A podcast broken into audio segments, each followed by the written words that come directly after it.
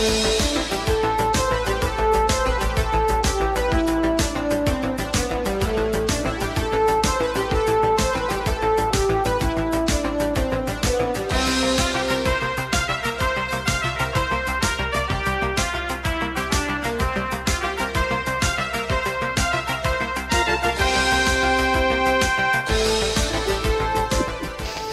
onthou hierdie reeks natuurlik van die 80s, Airwolf, hierdie groot groot reeks wat ons almal voor vasgenaal gesit het en gekyk het en ons gesels juis nou vandag oor die Randse ligskou wat plaasvind en die Airwolf wat daar gaan wees en nie sommer net een nie, 'n hele paar van hulle.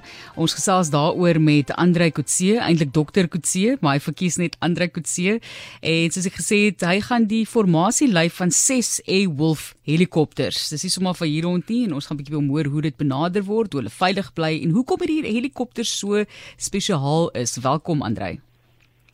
Maar lief baie dankie, dis lekker om by julle te wees. So baie nostalgie wat ons heg aan hierdie helikopter, né? Absoluut, selfs net daai daai dingetjie wat jy nou gespeel het sonder om iets te kon sien of 'n uh, uh, 'n prentjie in jou gesig te hê, in jou in jou gemoedstoestand te hê, uh, het net 'n onmiddellike idee van wat dit was en bring dit weer nuwe herinneringe en opwinding. Kom ons gesels gou vinnig oor die Airwolf en dan gaan ons kyk na ander besienswaardighede en wat mense kan ervaar by die Randse Ligskou. Hoekom is die Airwolf die Airwolf? Daar kan jy die naam ook vir ons uh, bespreek en hoekom daai naam gegee is. Dink jy maar hoekom is hierdie helikopter van belang? Absoluut. Dit kom uit 'n aard uit die middel 80s uit, soos jy dit reg genoem het. Ehm um, die Airwolf helikopter is 'n Bell 222. Ehm um, wat baie aanklank gevind het wêreldwyd ten tye en oor die jare 'n ikoniese status ontwikkel het grootliks as gevolg van van die Airwolf televisieprogramme. Maar dit het ook ontwikkel as 'n 'n BBP of 'n VIP helikopter oor die wêreld heen en later as ambulanse en van daar het ons 'n klompie van hulle aangeskaf het in tans bedryf binne binne Henley Air. Ons gaan nou 'n bietjie verder gesels oor hoe daardie formasie gevorm word en hoe jy veilig bly, hoe baie jy moet oefen vir daai tipe van ding of maak jy alles staat op daardie instrumente voor jou? Hy's uitvoerende voorsitter ook van die Henley E groep van maatskappye. Jy het al op 15 met jou privaat helikopter lisensie begin. Hoekom op daai jong ouderdom? Ek was baie gelukkig en bevoorreg geweest daai jare. My pa het sy privaat lisensie in 1983 begin en elke middag na 'n les die opsomming van die dag met my gedeel en my verskriklik opgewonde en, en, en geprikkel gekry daardeur. En uh, ek was gelukkig genoeg om toe op ouderdom 15 jaar daarmee te kon begin en jou pa het ook toe 'n Bell Jet Ranger gekoop en op daardie stadium toe jy nou ook na skool graad in ingenieurswese by Raal voltooi het jy ken ook die Randse lughawe baie goed want daar het jy toe as vakleerling ook ingeskryf maar jy het toegang gehad tot jou pa se helikopter self so jy kon gereeld daarvan gebruik maak Absoluut ek was gelukkig genoeg om om die helikopter te kon vlieg en ook self te kon voorsien. So ek het baie daai jare geleer oor die meganiese kant en die tegniese kant wat my baie na in die hart lê jou besluit as 'n mens nou kyk, jy fokus op helikopters nou op daai stadium en toe wil jy verder gaan natuurlik daarmee en eh, was dit altyd helikopters of of het jy uitgebrei na ander vliegtye en soorte ook? Oor die jare heen nog net helikopters. Ek het geen vaste vlek kundigheid of kennis nie. My fokus is absoluut op helikopters gewees oor die jare heen. Fantasties. Henry E is toe nou in 1998 gebore en het jou eie vliegtyg loods op daai stadium ook bekom. Stelsel stelselmatig oor die jare gegroei en verder gegaan. Jy het nou al 40 helikopters. Ja, ons ons huis het 40 helikopters wat hier by ons slaap. Ons bedryf nie almal nie. Maar dis nog 'n gesig veral in die aand as almal nou in die in die stal is en mense staan en uitkyk oor hierdie magdom helikopters. Dis werklik 'n prentjie. Vir hier julle dit uit, is dit hoe dit werk? Ja, ons het 'n huurvlugmaatskappy, ons doen ook vliegopleiding binne die skool.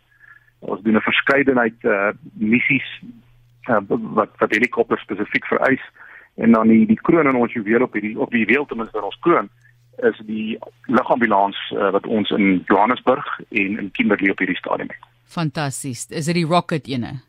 Dis rocket. Dis hy. Ons gaan nou 'n bietjie daaroor gesels. Kom ons kom terug na die formasie van die 6 Airwolf helikopters.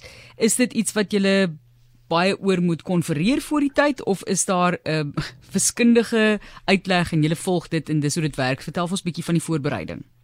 Nee, dis 'n baie unieke uh, aanbieding wat ons uh, Sondag nou gaan gaan lewer aan die aan die lugskou self.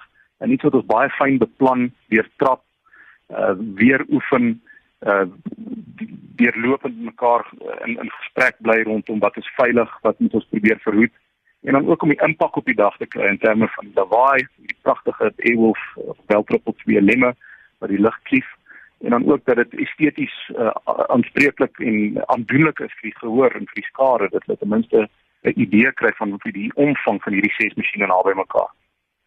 Die ander mense saam met wie jy vlieg en die ander 5 helikopters, ken julle mekaar goed? Is dit 'n geval van jy moet daai persone baie goed ken om te weet met wie jy werk? Ongetwyfeld, hulle is almal in die air uh, werknemers en baie na vriende. Ons is dag in en dag uit saam met mekaar hier by die Randse Lughawe in ons in ons vliegtuigloods. Maar daar is 'n groot mate van vertroue en ook uh, die feit dat ons so naby mekaar is dat mens uh, weergangs op mekaar kan staat maak. Weet wat die wat die ander ou dink, hoe hy gaan handel en en dat dit 'n impak maak op die dag. So as mens nou kyk byvoorbeeld na die skou self, is daar meer as een geleentheid vir mense vir mense om vir julle te sien of is daar net een keer? Is daar een geleentheid waar julle dit gaan doen? Die die Randse lughous lugskou spesifiek is 'n baie intense lugskou wat wat heerlik is vir die skare. So dit is non-stop uh energie in die lug van 11:30 af tot 04:30. Dit is daar letterlik nie 'n stil oomblik nie. En van daar kry elke uh, opvoering of elke tentoonstelling eintlik net een geleentheid. So ons hoop om hier rondom 11:00 se koers Sondag uh, een van die eerste tentoonstellings te wees of vertonings en van daar is daar nog 'n magt om ander om, om te geniet hierdie loop van die dag. Goed, so die Airwolf is nou iets wat mense seker baie na uitsien, maar kom ons gesels dan oor wat mense nog kan ervaar en byvoorbeeld wat jy ook na verwys het, dit is die paramediese opleiding op julle Rocket Lug ambulansdiens. Absoluut, spesifiek aan die Airwolf kant het mense die geleentheid Sondag om 'n Airwolf te kan vlieg. Ons gaan twee Bell 222s uh aan aan die aan die aan die skare bekendstel waar hulle 'n kort flip rond, rondom die lughawe kan neem. En dit is iets om te sien, uiteraard die die groot skare, die verskillende vliegtye en dan ook die absolute genot om hierdie 222 te kan vlieg en die die lawaai en die vibrasie te kan waardeer.